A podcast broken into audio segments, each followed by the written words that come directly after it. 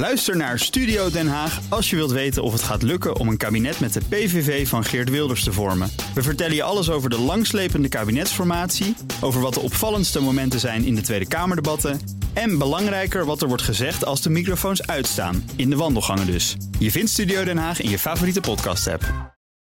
De column van Bernard Hammelburg. Dat Russische mannen massaal op de vlucht zouden slaan na de afkondiging van de mobilisatie van 300.000 reservisten had Vladimir Poetin vast niet verwacht. Het aantal vluchtelingen is ook al bijna 300.000 man en dat plaatst de omringende landen, maar vooral de Europese Unie, voor alweer een probleem. Zijn die Russische mannen welkom of niet? De Baltische Staten en Finland zijn er heel duidelijk over. Niet, die komen er bij hun niet in.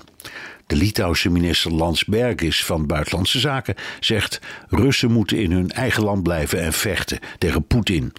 Franse senatoren willen de Russen juist verwelkomen omdat tegenhouden Poetins beeld van het vijandige Westen bevestigt.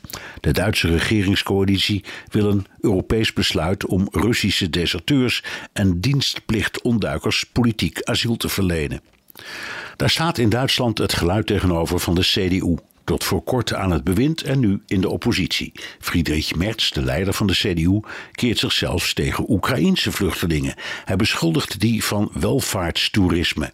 Ze komen naar Duitsland, krijgen een uitkering en gaan dan weer terug naar Oekraïne. Vaak pendelen ze heen en weer.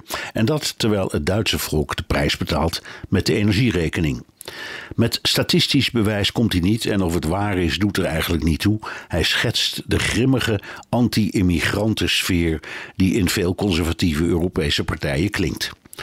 Alom klinken klassiekers, zoals vluchtelingen uit Nazi-Duitsland er vaak van werden verdacht agenten van het Derde Rijk te zijn, en zoals Amerikaanse staatsburgers van Japanse afkomst in de Tweede Wereldoorlog om vergelijkbare verdenking werden geïnterneerd in kampen, hoor je ook nu dat je met die Russen nooit weet wat je in huis haalt. Of dat ze niet piepte toen Poetin zijn illegale oorlog begon, maar nu wel omdat ze er zelf de dupe van dreigen te worden. Oekraïense en Russische vluchtelingen hebben één ding gemeen: zij zijn niet schuldig of fout. Fout is Vladimir Poetin. Wie wil of moet vluchten is slachtoffer. We moeten niet naïef zijn, dus je moet zoveel mogelijk antecedentenonderzoek doen. Maar slachtoffers van zoveel vreedheid bij ons pal om de hoek moet je verwelkomen. Ook Bas van Werven vind je in de BNR-app. Ja, je kunt live naar mij en Iwan luisteren tijdens de ochtendspits. Je krijgt een melding van Breaking News. En niet alleen onze podcast Ochtendnieuws, maar alle BNR-podcasts vind je in de app. Download nu de gratis BNR-app en blijf scherp.